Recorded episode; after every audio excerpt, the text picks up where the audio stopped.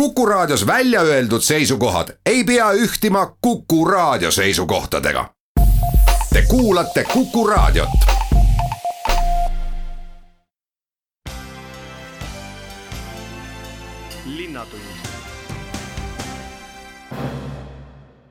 tere päevast, Linnatund alustab. stuudios on saatejuht Ulla Lents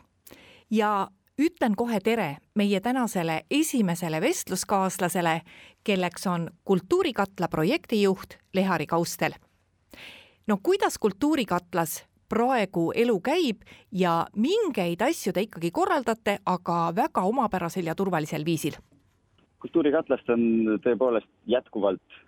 äh, selline populaarne kohtumispaik ja sedapuhku siis virtuaalne kohtumispaik ja nende sündmuste puhul, mis Kultuurikatlas toimuvad, me loomulikult järgime täielikult valitsuse poolt ette antud korraldusi.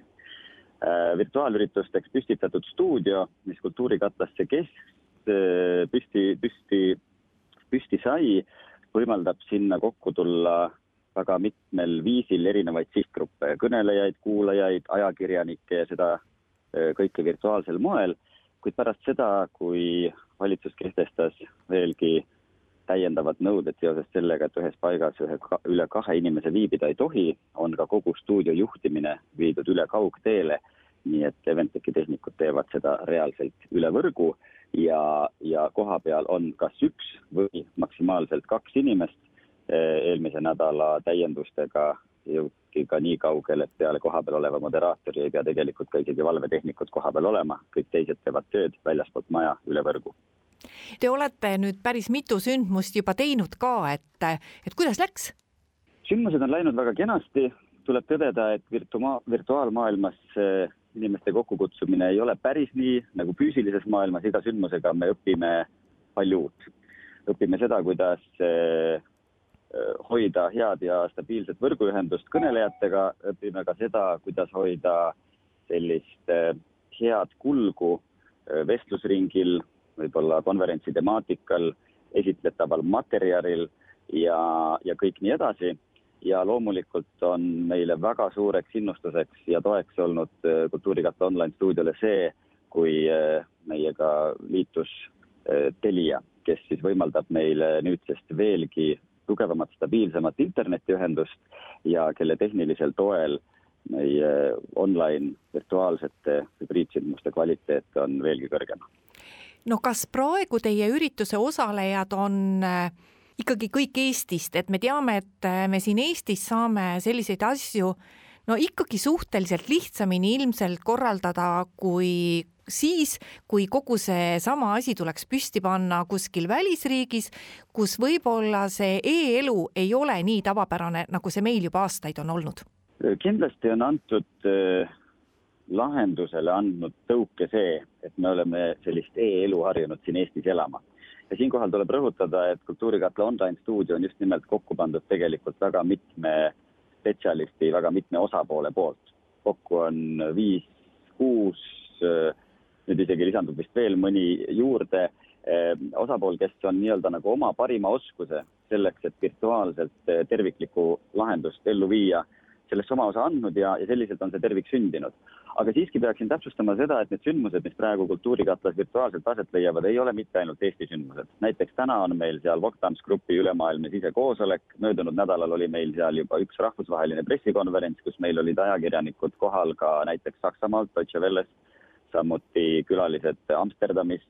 ja mõni riik oli vististi veel, et tegelikult see lahendus on kasutatav täiesti rahvusvahelisel tasandil ja nagu juba ütlesin, siis tänu sellele, et toredasti soovis meie sellise algatusliku meeskonnaga liituda ka Telia, siis me suudame sisuliselt teha Kultuurikatlast otselülitusi ükskõik millisesse telekanalisse üle kogu maailma. vot kuidas see suhtlemine nendega, kes pidid oma ürituse teil tegema, et kuidas see alguses lahti läks, et äh, kui see koroona probleem meil siin maailmas tekkis, siis noh, esialgu ju kõik Äh, asjad tühistati ära, et äh, kuidas siis teie hakkasite neile ütlema, et noh, et äh, vaat, et hakake, hakake mõtlema teistmoodi, et meil tegelikult on võimalusi ikka, et üks või teine asi saaks ära tehtud, et kuidas see oli ja kui palju üllatusi sealt teiselt poolt tuli siis vastu? no üllatusi oli mitmeid ja paljuski oli väga palju positiivseid üllatusi, sellepärast et virtuaalüritus on selline, et enne kui ühe korra reaalselt seda ise ei ole läbi teinud, on päris raske tegelikult ette kujutada, kuidas see siis lõpuks nagu toimub. kes keda kuuleb, kes keda ei kuule, kes mida näeb, kes mida ei näe. no lihtsas keeles on tegemist mitmetasandilise, mitmedimensioonilise telesaatega, kus kõik osalejad on ühtlasi ka stuudios ja ühtlasi ka pealtvaatajad, saades võimaluse siis nii kommenteerida, küsida, kaasa rääkida või vestlust suunata või vastavalt sellele, kuidas siis sündmus on üles ehitatud. ja see, mismoodi äh, antud lahendus kujunes äh, ja, ja, ja ka suhtlus nendega, kes oma sündmuseid olid planeerinud ja siis olid kaalumas, kas ära jätta või mitte ära jätta, noh, seal on muidugi hästi, hästi mitu nüanssi ja tuleb lihtsalt tunnistada, et üks asi viis tegelikult teiseni ja kuniks tekkisid meil esimesed reaalsed sellised positiivsed kogemused, et see asi päriselt töötab, inimesed tegelikult tunnevadki ennast äh, peaaegu et kohal viibivana, äh, näevad, saavad aru, et nad on tegelikult oma kodudiivanil, aga näevad samas äh, väga ägedat lava, mis on kultuurikatlasse püstitatud ja siis ühtaegu on nad samas seal ka lava peal kõnelejateks või esireas publikuga, publikus istudes, nagu näiteks meie iPadi areen võimaldab, noh siis see tegelikult viiski seda infot selliselt edasi, et väga mitmed peale nende esimeste positiivsete kogemuste võtsid julguse kokku ja ütlesid, et teeme ära ja nüüdseks on äh, tõesti juba päris mitmed äh, organisatsioonid, ettevõtted nii avalikust sektorist kui erasektorist Eestist ja välismaalt otsustanud seda võimalust kasutada. Ja iga uue üritusega me õpime juurde ja juurde. Ja seda kõike siis praegusel hetkel äh, Vabariigi Valitsuse poolt kehtestatud nõudeid järgides, et kohapeal füüsiliselt ei oleks rohkem inimesi kogunemas kui, kui reaalselt üks või, või kaks. ma just mõtlengi, et teie kalender on ju üsna tihe, et kui te nüüd ettepoole vaadate, vaatate, et te just ütlesite, et iga selline ettevõtmine on väljakutse, et kuna sündmused on erinevad, inimesed erinevatest paikadest võib-olla, et kui palju erinevaid väljakutseid siin lähiajal veel ees seisab, sest ega me ju ei tea, kui kauaks see koroonakarantiin siin meil ja maailmas üldse kestma jääb no tõepoolest me ei tea, eks teadmatus on see, mis, mis meid kõiki praeguse elu juures ka teeb murelikuks ja, ja, ja, ja paneb tundma ka üsna nagu ebamugavalt. selle teadmatuse keskel, eriti kui me igaüks oma kodus oleme ka teatud mõttes isolatsioonis, on meil muidugi võimalus kasutada telefoni, helistada nii tööalaseid kui isiklikke kõnesid, aga samamoodi püsib ka jätkuvalt meie,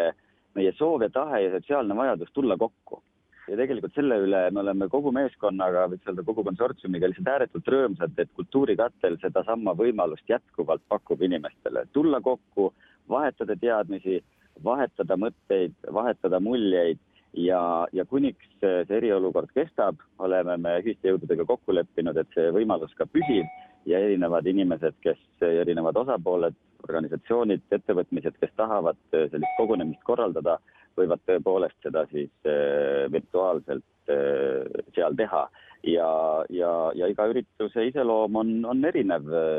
näiteks alles hiljuti me katsetasime veel ühe lisaplatvormi liitmist selleks, et inimesed, õigemini organisatsioon, kes oli ühte platvormi harjunud kasutama, saaks äh, mugavalt antud lahendusse integreerida, nii et tegelikult see, see rännak selles mõttes ei ole lõppenud, et iga üritus Eh, iga seltskond, kes soovib üritust korraldada, on võib-olla harjunud kasutama mingit teatud eh, online tööriistu, nende integreerimine ja liitmine sellesse tervikusse on iga kord selline natukene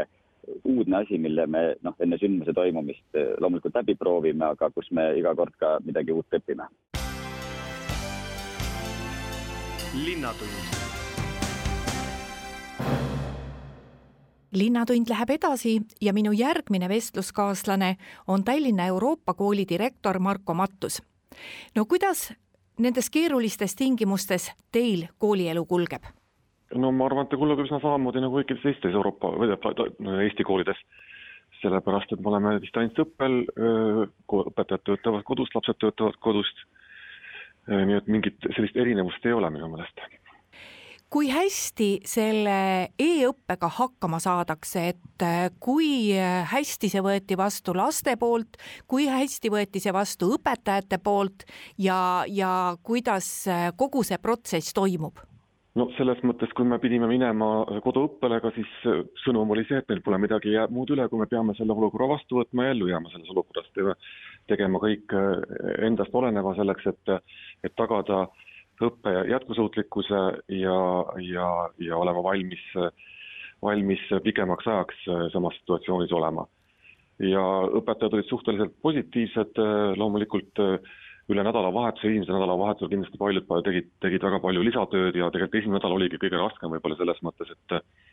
et siis tuli nagu läbi mõelda, kuidas teha, mis teha, sest noh, meil peale e-kooli ja siis MySchool'i sellist tsentraalset platvormi, mida me kasutame siis kõikide jaoks, nii õpetajate, õpilaste kui vanemate jaoks ei ole. me oleme praegu hetkel valmi-, siis tööt-, töötamas välja Office kolm kuus viie platvormi selleks, et, et rohkem nagu tsentraalselt suhelda kõike, kõikidega aga sel hetkel seda ei olnud, nii et, et siis tuli nagu välja mõelda, kuidas teha. ja nagu soovitus nagu paljudes koolides ka, et mitte kasutada liiga palju platvorme, mida, mida siis äh, ähm, no ühesõnaga, millega lapse, lastel ja lapsevanematel on raskus nagu kasutada selles mõttes, et kui neid on liiga palju, siis, siis läheb segamini, kus kes mida, mida teeb. praegu hetkel ongi nagu siis see kohustus, et õpetajad peavad kasutama e-kooli, selleks, et infot vahetada, aga noh, see, kuidas nad oma ülesandeid täpselt jagavad ja kuidas nad näitlikustavad, see on nagu nende vaba valik olnud no vot, meil siin Eestis olevate tavaliste Eesti koolide jaoks on ju väga palju igasuguseid neid tugistruktuure, aga Euroopa kool on ju omamoodi eriline, ta on teistsugune, õppeprogrammid ja ülesehitus on teistsugune ja teie olete pigem üle-euroopalises võrgustikus, et, et kui palju te abi ja tuge saate? no ütleme nii, et me oleme ikkagi riiklik kool selles mõttes, et jah, me jälgime küll Euroopa kooli äh, Äh, õppekava, aga, ja keskbüroo, Euroopa Koolide Keskbüroo, mis asub siis Brüsselis ka, loomulikult toetab, aga nemad ikkagi tegelevad eeskätt siis nende, nende noh, nimetame neid siis tüüp üks koolidega, äh, et meie noh, järgime nende juhiseid, aga me kohaldame nad oma, oma reaalsuse jaoks siin. aga noh, selles mõttes, nagu ma ütlesin ka just hetk tagasi, et et äh, tüüp üks koolid ka samamoodi kasutavad siis Office kolm kuut viit ehk siis Teamsi ja OneNote'i eeskätt selleks, et, et tagada õppe, õppe jätkusuutlikkuse ja me tahame ka samale platvormile üle minna, et olla täpselt noh, võimalikult palju sarnased äh, tüüp üks Euroopa koolidega. ja noh, eks me peame ikkagi rohkem ise välja mõtlema selles mõttes, et kohandama kohalike oludega neid asju, et, et kõik töötaks nii hästi kui võimalik no teie seltskond on ju ka väga rahvusvaheline ja kui siin äh, tõesti see olukord väga hulluks läks ja, ja need on ju tegelikult alles äh, loetud nädalad tagasi, kui kõik mm -hmm. riigipiirid läksid kinni, inimestele saadeti üleskutseid, et minge oma koduriiki tagasi, et me ei tea, kaua see olukord on. kui palju te pidite oma õpetajatele isiklikult selgitama, kui palju oma lapsevanematele, kes võib-olla ka natuke kaotasid pea, et ei tea, kas sa jääd siia, kas sa lähed koju, mida sa siis teed? No minu teada äh, reaalselt on ainult üks pere, kes, kes läks Eestist ära, aga nad olid nagunii juba ära minemas selles mõttes, et mõne nädala pärast, aga muude kohta mul ei ole nagu mingeid andmeid ja õpetajad on siis ikka kõik siin, nii et, et keegi pole nagu lahkunud ja minu, minuni pole jõudnud mingid raskused selles suhtes, et et kes tahaks nüüd ära minna või, või midagi sellist, et nende inimeste töö on ikkagi siin eeskätt, kes meie nagu kooli lapsevanemad on. Ja nad on seotud, tundnud ennast ikkagi Eestiga ja need inimesed ka, kes eesti keelt ei oska, et te tunnetate, et ka teie need õpetajad eh, saavad ikkagi ka Eesti riigilt piisavalt informatsiooni selle kohta, kuidas olukord on, mida võib teha, mida ei või teha ja, ja kust abi saada? ma arvan, et siiski meil on väga hea kommunikatsioon, me loomulikult ei ole eraldi pressikeskus, aga me läbi oma, oma uudis, uudiskirjade ja oma kodulehe peal olevat äh, informatsiooni me tegelikult äh, jagame nii palju kui võimalik äh, siis inglisekeelset informatsiooni, kuna meie õpe toimub inglise keeles või ka siis prantsuse keeles, et aga eeskätt info, info, mida me jagame vanematega, on inglisekeelne. Ja noh, niipea kui meie saame mingisuguse ametliku informatsiooni, me jagame mingisuguseid kuulujutte loomulikult, aga niipea kui me saame ametliku informatsiooni, me selle ka lapsevanematele edastame. ja üritame neid rahustada ka selles suhtes, et siin oli ka vahepeal ju küsimus, kus et esimene kaks nädalat sai nagu üle, et noh, kas nüüd kool ikkagi jääb kinni või läheb lahti, et pole mingit informatsiooni, aga ma jällegi ütlesin ka, et, et noh, kuna kuna midagi muud pole praegu edastatud, siis me, me praegu midagi edastada ei saa, aga niipea, kui me saame selle, nagu eelmine nädal aega tagasi enam-vähem saime selle informatsiooni, et läheb edasi äh, kriisiolukord, et siis me selle ka edastasime kohe kiiresti. et jah, loomulikult selles mõttes ma arvan, et see keel jah, on üks faktor, mis mõjutab inimeste nagu hakkamasaamist, aga noh, ma arvan, isegi eestikeelses maailmas on, on, on seda raskust äh, selle olukorra hakkamasaamisega ja ja, ja sellega, et leida informatsioon, mis on tõene, mis mitte tõene kuidas äh, teil on teada või noh, nii palju, kui palju on teada, et äh, mis siis nendest kooli lõpueksamitest saab? no ma just praegu lugesin, mis tuli informatsioon Keskbüroo poolt, et Euroopa koolide Keskbüroo poolt, et meil on siis selline eksam nagu bakalaureuseeksam lõpus, siis gümnaasiumi lõpus et see on nagu ainuke reaalne eksam, ülejäänud on siis sellised kohalikud kooli enda poolt organiseeritavad testid, eksamid. et praegu hetkel pole selget vastust, et koolid on kinni no meie Eesti, Eestis siis eks mai alguseni, Euroopa koolid tüüp, tüüp üks on siis üheksateistkümnenda aprillini hetkel ja siis tehakse otsus, kas jätkub koolide sulgemine ja kuidas see, kuidas need eksamid organiseeritakse, praegu hetkel vastust ei ole, aga nad on lubanud, et nad teevad otsuse võimalikult kiiresti, ehk siis Hispaanias on seitseteist, kaheksateist, üheksateist on siis Euroopa koolide kuratooriumi koosolek, kus need kõik asjad otsustatakse ära ja siis informeeritakse, praegu hetkel me täpselt ei tea, mis saab meie lõpetajatest no vot, teie kooli juures on ju üks eripära veel ka see, et Euroopa koolides kool algab ju päris pisikestest äh, lastest peale, et äh, ma ei tea, kuidas, kui vanalt nad Eestis teile tulevad, et nii palju, kui mina tean, siis Brüsselis nad lähevad kusagil juba neljaselt ja mõned lähevad ja. isegi kolmeselt sinna eelkooli, sõltuvalt sellest, millest sünnipäev on, et et kas nendel on nagu täielik kodusolek või on neil ka mingi e-õpe? Äh, ikka, ikka selles mõttes jah, meil algab, kool algab neljandast eluaastast, kooliastme nimi peaks olema eelkool ikkagi kooli nimega, mitte niivõrd lasteaed. Äh, ja, ja nendel ikkagi samamoodi õpetajad jagavad ülesandeid ja loomulikult see töö ei saa olla nii intensiivne või nii sellise, sellise iseloomuga, nagu ta koolis igapäevaselt on. ja noh, siin on ka raskus selles mõttes, mida vanemad on ka jaganud minuga ja noh, õpetajatega ongi see just nimelt, et, et ähm, et kuna, kuigi jah, õppekeel on inglise keel, aga mitte kõik vanemad siiski pole päris puhtalt äh, Äh, äh, siis inglisekeelsed, selles mõttes nad, nende koduteel, kodukeel võib olla mingi muu keel, aga lihtsalt lapsed õpivad inglise keeles ja siis ongi öeldud, et noh, tegelikult raskus ongi see, et, et et äh, noh, üks asi on see, et puuduvad pedagoogilised oskused vanematel, pedagoogiline haridus, ja teine asi on ka see, et ikka kohati ka keel isegi lasteaia tasemel või eelkooli tasemel ei ole võib-olla nii hea, kui ta võiks olla ja mis mõte, mistõttu me oleme ka soovitanud tungivalt ikkagi õpetajatel teha ja ka meil on assistendid ka lasteaias olemas või eelkoolis et äh, teha ikkagi võimalikult palju, vähemalt kolm korda nädalas teha videoseansse, videotunde ja mitte siis ega tegema, eks ju, kogu klassiga koos, kus on kakskümmend õpilast, noh, kaks, kakskümmend nelja kuni kuue aastast õpilast koos, vaid teha neid väiksemates gruppides. ja, ja plaanime ka teha seda, et, et, et avame ka mingisuguse pikapäevarühma, lastele me pakume vanematele võimalust, et et äh, sisustada laste aega noh, mis tahes, kas lugemistega või nuputamistega, midagi sellist, et nagu natukese, natukese mitmekesistada seda päeva, sest noh, kui ikka laps peab olema terve päeva kodus, siis on päris raske meie teeme siinkohal oma jutuajamisse väikese pausi, kuulame ära Kuku raadio poolased uudised ja siis räägime edasi. linnatund. loomaaed on ka üks selline asutus, mis viiruse kriisi ajal kinni on tere, loomaaia direktor Tiit Maran. tere, tere. no kuidas äh, on elu siis, kui loomad on olemas, aga külastajaid kohe üldse ei ole, on natuke kurb ka? no ta on nagu ma usun, igal pool mujalgi on, et, et, et midagi on nagu valesti ja teistmoodi, sest eks äh, loomaaial on ju nagu sellised põhisambad, üks on nendest loom, teine on see meie oma kollektiiv ja, ja kolmas keskse tähtsusega on kindlasti külastaja ja kui külastajat ei ole, siis on asjad kuidagi imelikult, nii et me oleme sellises noh, kuidas öelda nüüd, ähm, üleelamise režiimis praktiliselt, et hoida seda, mis meil on väärtuslik, äh, kuidagi alal selle keerulise aja samas teie inimesed peavad ju tööl käima, et äh, kas, äh, kas kõik olete tööl või mõned, kes ütleme, tegelevad rohkem külastajate ja üritustega, et nemad võivad võib-olla siis kodus töötada juba? No meil on tegelikult, ongi ikkagi praegu on see inimeste ohutus ühelt poolt ja loomade ohutus teiselt poolt on nagu kaks põhilist kriteeriumit töö organiseerimisel. nii palju, kui on võimalik, on inimesed kodukontoris, see tähendab, kuna meil ei ole enam üritusi, meil ei ole haridustegevust, mis moodustab küllaltki suure osa loomaaia tegevusest, siis kõik need inimesed praegu töötavad kodukontoris Äh, nii et neid ei ole ja nüüd see, mis puudutab siis loomade talitamist ja hooldust, eks me oleme proovinud seda asja teha nii palju, kui on võimalik niimoodi, et, et inimesed töötaksid vahetustes ja, ja teine asi, et oleks võimalikult vähe liikumist äh, loomaaia territooriumil koju ja välja, sest eks see põhiline nakkuse koht praegusel hetkel on ikkagi see liikumine punktist A punkti B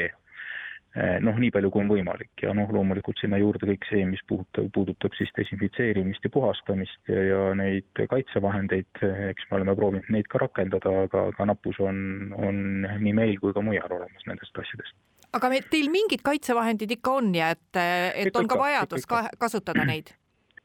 ikka, ikka, me kasutame neid kodu kogu aeg ja lisaks sellele on ju olemas ka loomi, kelle puhul võib oletada, et, et see õnnetu viirus võib ka neid nakatada. Noh, me räägime siin inimahvidest ja räägime paraku ka Euroopa naaritsast, kelle kohta küll tuhkrute puhul on teada, et ta nakkub ja võib ka loomale ohtlikuks osutuda, nii et nende puhul on need meetmed eriti ranged, sest et ühelt poolt on inimene muidugi oluline, aga teiselt poolt on meil väga palju ohustatud liike ja nende püsimine on täpselt samamoodi oluline. Mis muuseas seab maailmas loomaaiad väga-väga keerulisse olukorda praegu, et, et nad on hästi, hästi haavatavas olukorras ja noh, väga, väga, raskelt raske on neil leida seda võimalust, kuidas seda rasket aega üle elada no vot jah, kuna meil on praegu inimestega nii palju tegemist, et siis loomadele paraku pööratakse tähelepanu vähem, aga teie oma süsteemis, et kui te räägite oma teiste kolleegidega, et kui palju see väga eriline olukord, mis maailmas praegu on, kui palju see paneb üldse loomaaiad ohtu? No ta paneb väga suurde ohtu, sest et esiteks on äh, loomaaedade ikkagi põhifunktsioon on, on loodushoid, looduskaitse ja nende kontrolli ja valduse all on väga suur osa äärmiselt ohustatud liike. ja needsamad asutused samal ajal ju, eriti kui nad on eraloomaiad, nad äh, toimivad ju praktiliselt ainult tänu sellele, et neil on külastajad, kes tahavad nendesse asutustesse tulla ja nad sõltuvad külastajate poolt sisse toodud piletitulust ja kui see piletitulu nüüd on ära kadunud, siis on olukord väga keeruline, ma olen siin äh, eelmine nädal suhtlesin Marco Natura Vivo direktoriga Cesarega, kes on siis Põhja-Itaalias, äh, asub äh, praktiliselt hetkel koroonaviiruse epitsentris ja just ütles mulle nii, et Tiit, et kaks aasta, kaks nädalat või kaks kuud me peame vastu, aga mis pärast seda tuleb, me tõesti ei tea, sest et noh, lihtsalt ei ole seda elementaarset, millega loomi üleval pidada toitu ja, ja ka seda tööjõudu, nii et, et loomaaiad praegu otsivad kõik, kõikvõimalikult võimalikke meetodeid, kuidas seda rasket aega üle elada, sest ühelt poolt on muidugi vastutus inimeste eest, aga loomaaiad on võtnud endale ka suure vastutuse väga paljude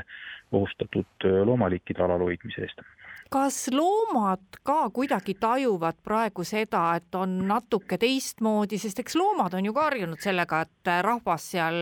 loomaaias ikka liigub, et kas nemad ka kuidagi toimetavad pisut teisiti?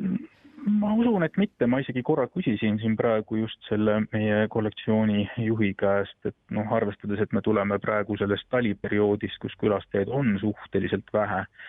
nii et see külastajate vähesus, noh, vaevalt, et nad seda nii oluliselt tähele panevad, vähemalt mingit sellist loomade teistsugust käitumist minuni küll ei ole jõudnud, et, et reaalselt oleks. et, et selles suhtes nagu loomadel äh, arusaamatust ei ole, aga noh, kui lähevad ilmad soojemaks, siis küllap nii mõnigi loom hakkab mõtlema, et huvitav, et kus need naljakad loomad on kadunud, kes seal väljapool ringi jalutavad kogu aeg, et et jah, aga praegu jah, loomade seisukohalt sellist asja ei ole, et põhiline on see ikkagi inim, inim, meie meeskonna mure ja, ja kuidas me loomi suudame talitada ja need probleemid, probleemid kõik.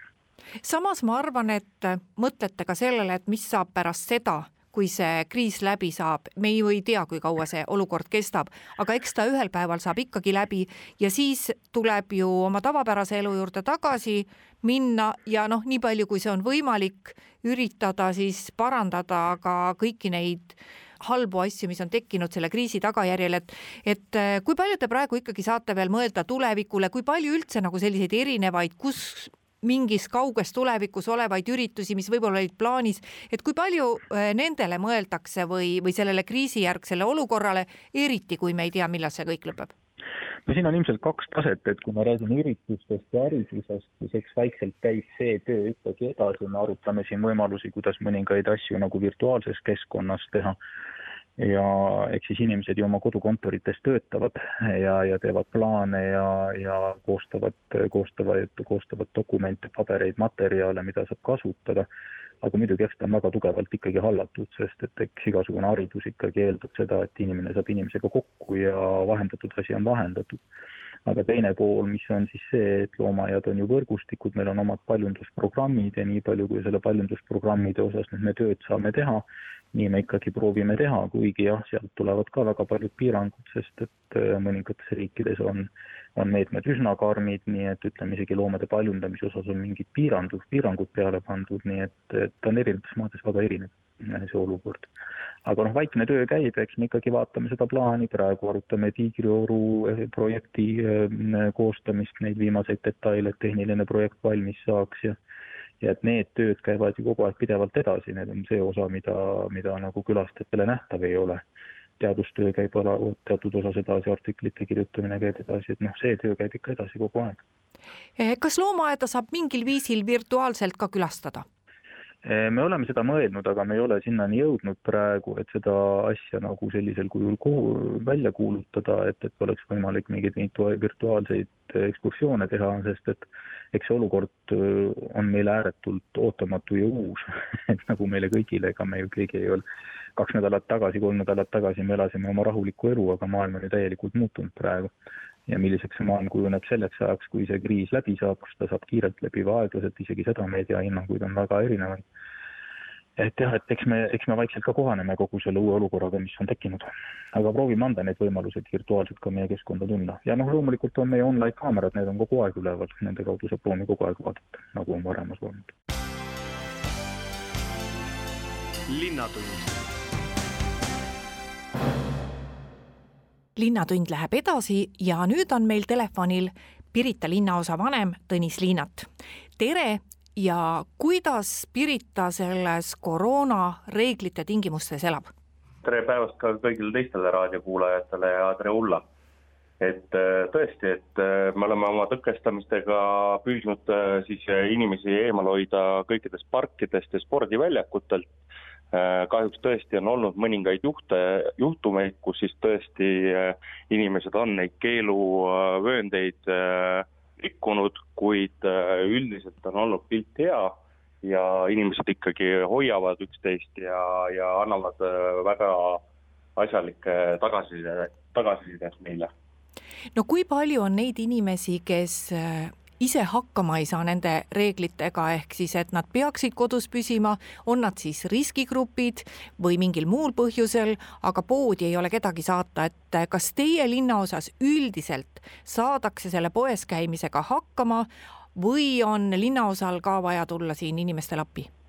Ei, me oleme abivalmis äh, aitama inimesi, kes tõesti äh, kauplusesse omal jõul ei saa, et äh, nendele me oleme siis palu, pakkunud omalt poolt abi, et me viime nendele ravimid ja toidukorvi ukse taha ja, ja sellega on inimesed olnud meile suhteliselt tänulikud, et äh, igasugune tegevus, äh, mida me siin majas nagu korraldame ja teeme elanike jaoks, on olnud äh, inimestele selgelt kohale jõudnud ja kõikidele ühtselt äh, arusaadavalt asjad toimivad. No teil on ju ka selline pikk rannaala ja hästi palju selliseid paikkondi, kus inimesed käivad sporti tegemas, et ütlesite ka, et jälgite seda, et õnneks teil vist nagu sellist probleemi, nagu seal Stroomi rannas tekkis, ei ole vist olnud, et äh, rand meenutab nagu lauluväljakut juba? ei, no ma käisin ise ka nüüd siin äh, nädalavahetusel täiesti kontrollimas seda ranna olukorda koostöös siis Tallinna munitsipaalpolitsei kolleegidega ja Politseiametist ja tõesti, me pidime kasutama siis äh, ruupori teel karjumist, et äh, inimesi teavitada, et nad hoiaksid ikkagi üksteisest vahet. Ja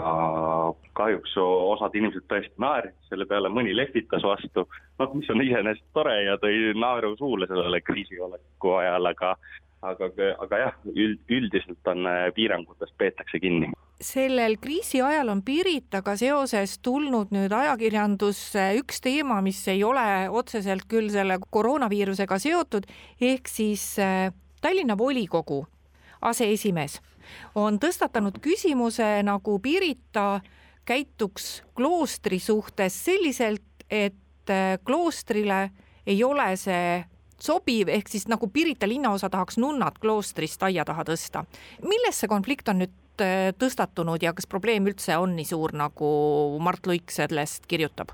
ei, probleem ei ole nii suur, kui seda Mart Luik tõstatab, et äh, kõigepealt ma läheksin sammu natukene tagasi. et äh, kloostri nunnasi mitte keegi tänavatel ei ole tõstnud. me räägime kahest erinevast objektist, et üks on siis see, mis on praegune toimiv klooster me räägime kloostri varemetest. Ehk me kohtusime ka siin eelmisel nädalal äh, Pirita kloostris Tallinna linnapea Mihhail Kõlvartiga, kloostriülema ema Vimalaga, kloostri kõneisiku Ott, Ott Rätsepaga ning Siseministeeriumi usuasjade osakonna juhataja Ilmo Auga. kohtumisel arutasime siis üheskoos tekkinud olukorda ning leppisime kokku, kuidas edasi minna. rääkisime tekkinud olukorra Ordu esindajatega veel kord läbi, kuid põhiliselt arutasime, kuidas Pirita linnaosa ja kloostri pere senine hea koostöö saaks jätkuda jõudsime kohtumisel ühisele arusaamale, et Pirita linnaosa valitseja Pühimaa päästja Püha Birgitta ordu rendileping on lõppenud, kuna see ei olnud ju seadustega kooskõlas. ja samas sellel kohtumisel selgus ka see, et,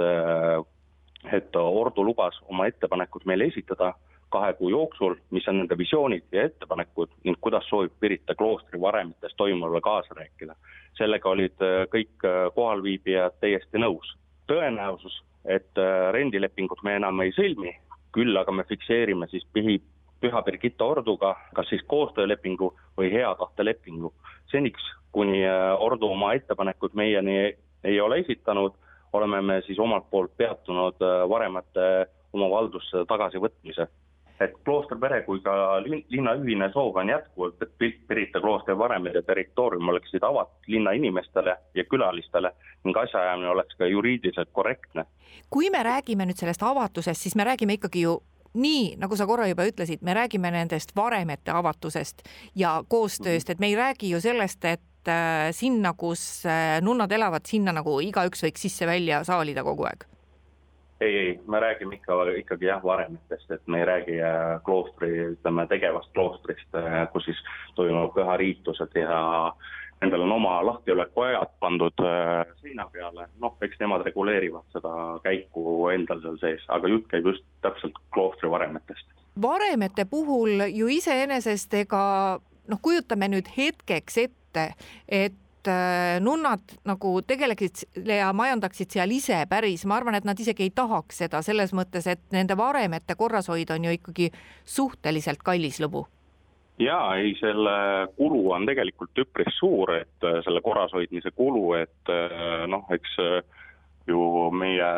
kirikud ju tegelikult elavad ju suuremjaolt ikkagi annetuste peal, et noh, et meie ju oleme ainult oma abikäe nendele ulatanud, et me paneme ta nii-öelda riigihankesse kus siis äh, koristatakse, niidetakse, koristatakse prahti ja ta jääb kõigile avatuks ja ühelt poolt jääb ju ka siis Püha Birgitta ordul nii-öelda ka omapoolsed kulud tegemata, et ta võib-olla saab need äh, finantsilised vahendid siis pigem suunata kas siis võib-olla mingile muule tegevusele. aga mis üldse praegu nagu see tegevus on, mida ainult nemad seal varemetes teeksid? No momendil ne nemad ongi ainult äh, teinud siis seda, et äh, nad on seal niitnud, nad on seal siis koristanud, nad on seda lendprahti ära vedanud ja ega seal ju riitusi otseselt või jumalateenistusi läbi äh, momendil ei ole ju viidud. et ongi olnud nii-öelda kultuurimälestis või, või, või võib ka öelda niisugune muuseumi element et ma saan aru, et tegelikult isegi nagu ei ole nendepoolset soovi, et nad eh, tahaks ainuisikuliselt seal varemetes toimetada? ei, selles suhtes, et eh, ainuisikuliselt nad ei soovi seda jah, et eh, nad on igasugust abist alati oma käe vastu võtnud ja ja, ja meie oleme selle neile ka pakkunud ja alati aidanud neid igal sammul, et kloostri varemed on Tallinn, Tallinna linna objekt ehk Pirita linnaosa valitsuse bilansis olev objekt ja, ja me lihtsalt äh, selleks, et me saaksime, tähendab, äh, panna neid äh, kloostri varemed oma lepingutesse, on meil vaja juriidiliselt dokumente korda teha. Tõnis Liinat, kui me nüüd oma jutuga läheme taas selliste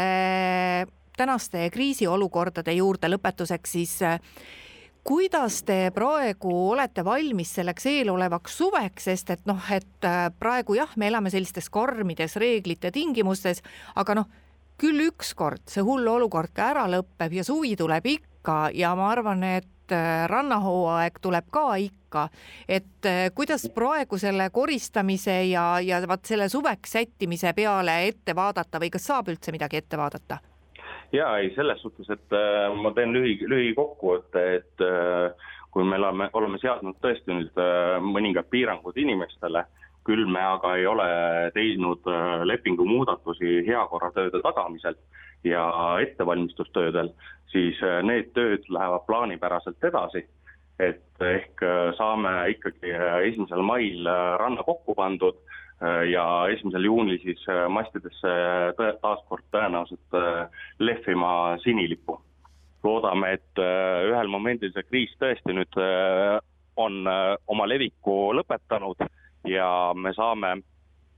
tavapärase elurütmi juurde taas naasta ja ongi Linnatunni jutud tänaseks räägitud. saatejuht ütleb aitäh ka kuulajatele kuulamise eest ja järgmine Linnatund on eetris nädala pärast. Kuulmiseni. linnatund